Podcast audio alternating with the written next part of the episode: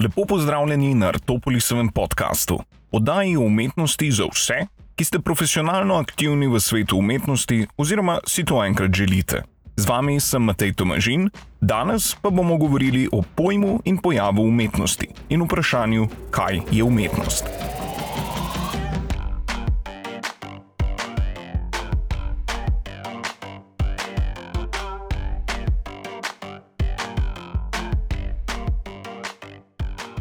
Če bi moral predstaviti svoje želje za pisanje tega teksta, bi leti najtančneje opisal kot etostopične. Se pravi, etos, moralen značaj, značilen duh določenega kraja ali časa in topos, kraj. Misli in dognanja iz naloge so po mojih najboljših močeh tvorjene na meji med utopičnim in kaotičnim. Med predpostavkami absolutnih odgovorov na bazična ontološka vprašanja in med popolnim kaosom fluidnosti polja, ki ga želimo raziskati. Etostopične ker verjamem, da so določeni načini oziroma pristopi boljši od drugih, vendar jim ne nadevam naziva non plus ultra. Je to istopično tudi, ker želim za kup vzeti možnost, da je mogoče res nemogoče izoblikovati popoln odgovor na marsikatero zastavljeno vprašanje, predvsem zaradi subjektivne narave področja. Obstajajo zgolj obdobja funkcionalnosti in nefunkcionalnosti določenih misli, namreč. Poslušalec oziroma poslušalka naj bo seveda tista, ki se v ta razmišljanja podaja z visoko mero sumničavosti. Brez te lahko namreč še tako dobro namerna misel postane zgolj ideološka. Ko vedno prisotna dvojina lastnosti kaosa in reda vsakega argumenta izgine, le ta namreč postane neomajen zakon, s katerim ima poslušalec in poslušalka ključ do popolnega razumevanja. Je to stopično, ker želimo upozoriti vse na to, da univerzalnih ključev ni. Vsak, ki trdi nasprotno, pa je verjetno prevzet z določeno ideologijo ali pa samo ne govori resnice. Pa začnimo. Mnogih pogovorih o temi, ki jo bomo v tem besedilu raziskovali, je razvidno pomankanje med razlikovanjem, zavestnim ali nezavestnim, med pojmom in pojavom. Zato bomo celotno raziskavo začeli s poglavjem, ki je namenjeno prav temu, Predstavili bomo, da je ta nezmožnost jasnega razlikovanja med pojmom in pojavom eden izmed glavnih krivcev za marsikatero nejasnost na našem področju. Med drugimi smo v nasprotju z ekonomisti, pravniki, celo teologi, mi nismo zmožni objektivnega razlikovanja med dobrim in slabim produktom naše stroke, recimo vprašanje kakovosti umetniškega dela. Celo nezmožni smo razlikovati med produktom naše stroke in nečem, kar le to ni, recimo vprašanje statusa umetniškega dela. Na vse zadnje lahko tudi vprašanje, kaj umetnost sploh je, nosi precejšno količino negativnih konotacij in povzroča nelagodje v dobrem številu vprašancev, ne glede na njihov status, izobrazbo ali mesto na hierarhični lestvici našega strokovnega področja. Glavni vprašanji za nas sta tako dve: čemu je tako in ali smo res nezmožni najti funkcionalno definicijo za vrednotenje produktov vlastne stroke. Mogoče pa le obstaja način. Le tega pa bomo poskusili odkriti in definirati v tem podkastu. Razlikovanje med pojmom in pojavom umetnosti ali vprašanje kaosa in reda. Da začnemo raziskavo razlike med pojmom in pojavom, je treba sprva odgovoriti na zelo pomembno vprašanje zaznavanja, S tem mislimo na zaznavanje posameznika. Seveda pa so ugotovitve na ravni posameznika v veliki meri uporabne tudi v kontekstu kolektivne percepcije ljudi, kar bomo bolj razdelili v nadaljevanju. Naše dojemanje je tisto, ki definira, kako nekaj je in kako ni, in dopušča vprašanja, kot so, kaj je oziroma ni in zakaj nekaj je oziroma ni. To razlikovanje pa je tudi eden glavnih krivcev za napačno predstavljeno problematiko vrednotenja statusa umetniškosti določenega predmeta in posledično težav z iskanjem kakovostnih odgovorov na to vprašanje. Treba je razumeti, da človeško bitje ne vidi življenja, se pravi predmetov, oseb, celo pojmov, kot to, kar so. Se pravi, predmeti osebe pojavi, pojmi, ampak kot funkcije, ki jih le ti za njo predstavljajo. S tem seveda ne želimo povedati, da smo računalniki iz matrice, ki svoje okolje dojemamo kot skupek enačb, ampak da je vse, s čimer smo v stiku, v najbolj bazičnem pogledu razdeljeno na dve področji, za kateri imamo mnogo imen. Taoizem ju imenuje yin, kaos in yang, red. Krščanstvo dobro in slabo. Splošno pa ima lahko nadanemo imenovalca, uvira in pripomoček. S primeri seveda ne želim predstaviti tematike kot striktno vezane na teologijo, po enakem principu namreč deluje tudi naš pravosodni sistem. Med uvire tako spada vse, kar nas pri doseganju naših ciljev uvira.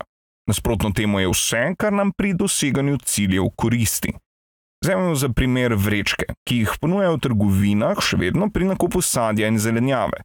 Ta predmet, od točke, ko ga odtrgamo stojala, do točke, ko pride domov, upravlja svojo nalogo, funkcijo vrečke.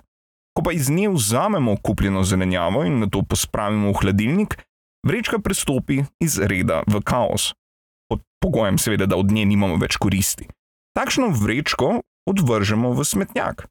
Predmet, ki je še pred kratkim služil določenemu namenu, se taj za nas le to funkcijo izgubi in postane neklasificiran in s tem tuj. Seveda pa smo za takšne predmete ustvarili svoj klasifikator - pojem smeti.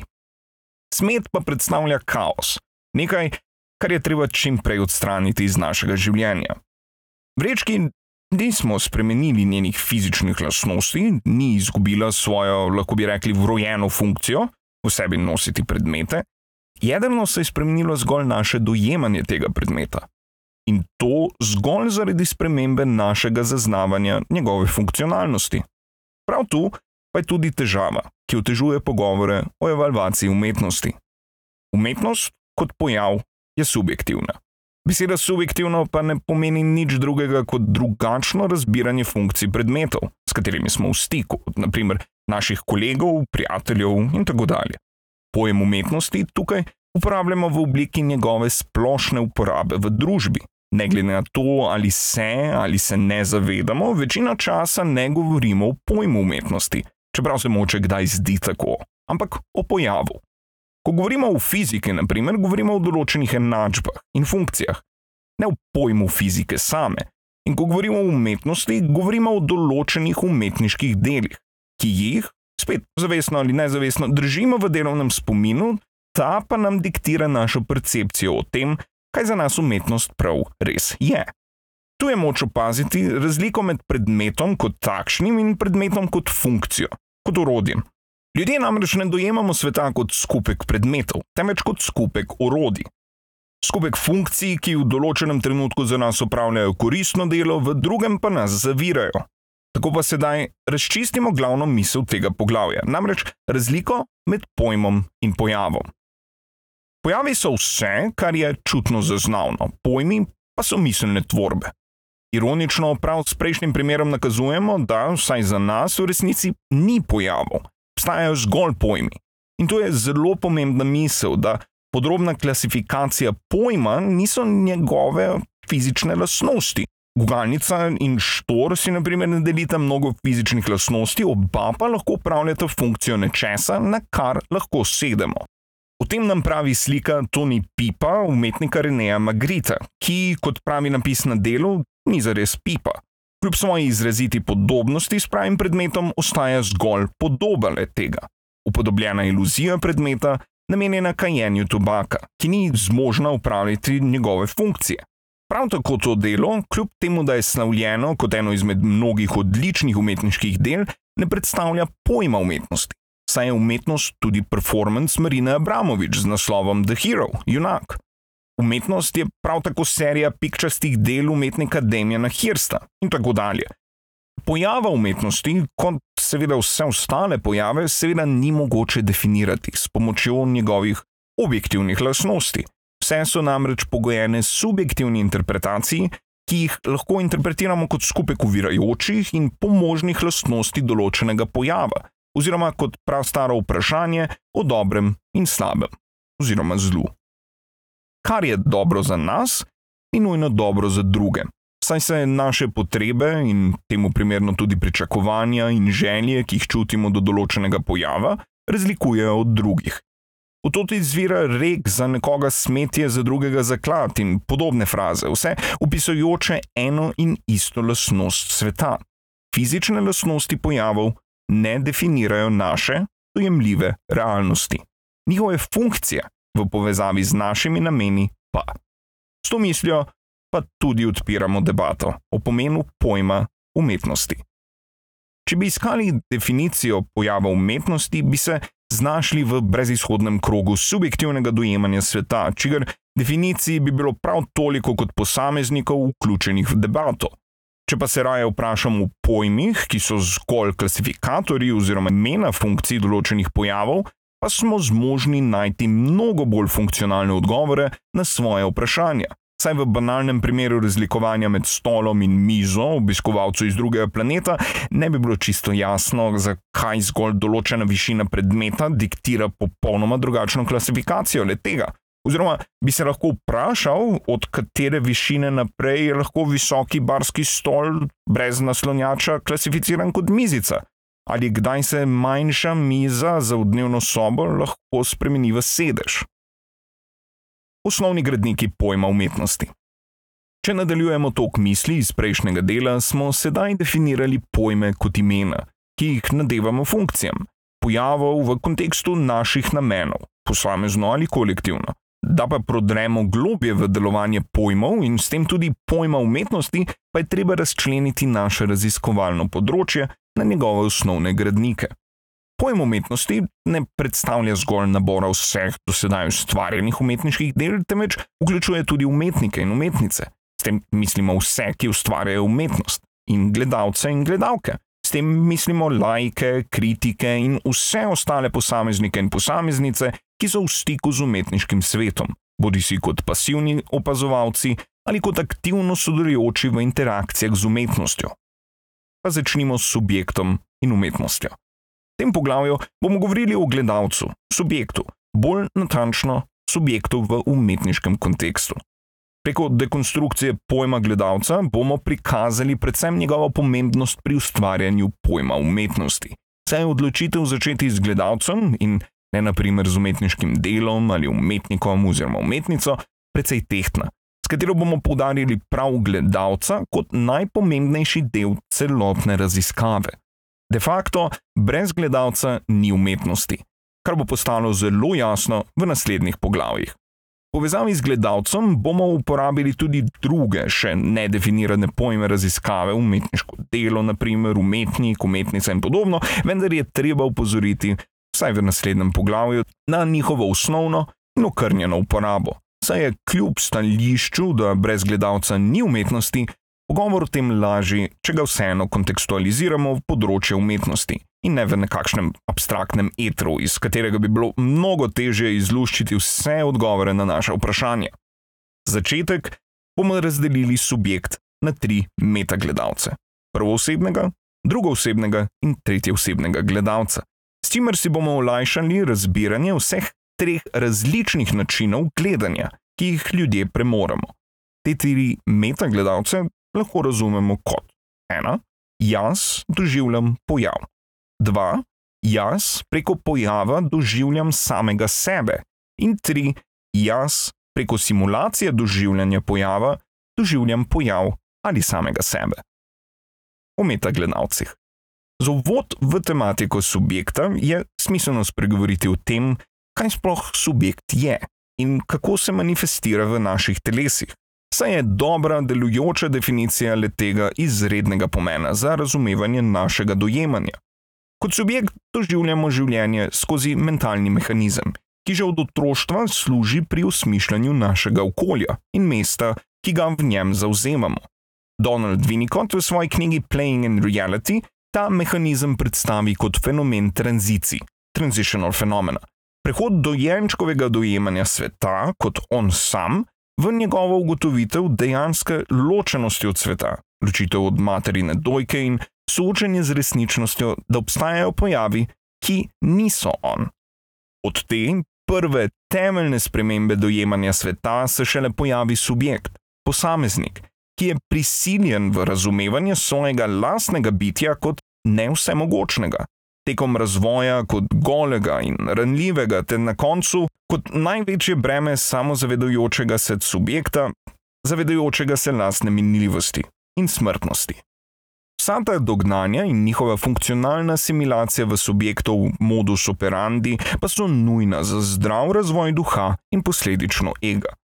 Ampak da prispemo do uporabnega izvlečka iz vsega tega, pa je potrebna združitev še dveh besedil. Ernest Becker v svoji knjigi The Denial of Death zgoraj opisano misel nadaljuje do zanimivih razsežnosti. Subjekt namreč po prvotnem spoznanju svoje lastne ranljivosti in posledno smrtnosti, kot tudi ranljivosti in smrtnosti vseh ostalih subjektov, svoj jaz ograjuje s funkcionalnimi argumenti, čeprav jim je mogoče bolje nadeti imenovalec urodja, ki služijo njegovi nemoteni interakciji z okoljem in samim sabo. Med nje spadajo bazična dognanja, kot so osnovne ugotovitve o stanju sveta. Tla so trdna, ogenj je vroč, določena hrana je dobra, druga je slaba ali celo strupena in podobno. Kot seveda tudi bolj napredne ugotovitve, naprimer izbor življenjskih ciljev, političnih prepričanj in drugih kompleksnih mnen o stanju subjekta samega in njegovega okolja. Vse tega namreč varujejo pred nevarnostmi, ki bi jih življenje lahko zanj imelo. Za nas pa je pomemben zaključek misli, ki jo Becker predstavi v svoji knjigi, namreč da je zavedanje lastne smrtnosti primarna in najmočnejša sila v subjektovem razvoju. Za razumevanje tega pa je treba misel povezati še preko Abrahama Mazla in njegove raziskave človeških potreb iz njegovega besedila A Theory of Human Motivation. To pa zaradi pomankljivosti v Bekerjevi predstavitvi ideje strahu pred smrtjo, ki nekako ne vključuje fiziološkega obstoja posameznika in se, zavestno ali zgolj površno, osredotoča na njega kot zgolj psihološko bitje. Mazlo pa nam prikaže, da je mogoče potrebe subjekta razdeliti na tri bazične imenovalce. Ena, fiziološke potrebe, kot so potrebe po hrani, kisiku, vodi, počitku, spolnosti, gibanju in tako dalje. Dva, Bazične psihološke potrebe, kot so potrebe po pripadnosti, ljubezni, ugledu, spoštovanju in tako dalje, ter tri napredne psihološke potrebe, kot so vprašanje o dobrem in zlu in podobnimi pojmi kvalitativne obravnave obnašanja subjekta v času njegovega življenja. Tako imamo predstavljen uris razvoja subjekta, njegove zmožnosti biti pozoren in njegove sposobnosti najti in seveda obdržati pozornost na določenih stopnjah razumevanja lastnih potreb. Če povzamemo, posameznik postane posamezen z ločitvijo od matere in samo aktualizacijo razčlenjenosti obstoja. Na to se začne dosmrtna pot razvoja posameznikovih fizičnih in mentalnih sposobnosti, ki služijo obrambi pred nevarnostjo, entropijo vse splošno silo razkroja in večnega prehajanja reda v kaos. Kot pa seveda tudi potencijalno aktivno nevarnostjo, ki je utelešena v vseh pojavih, ki posameznika obdajajo. Te sposobnosti so striktno fiziološke.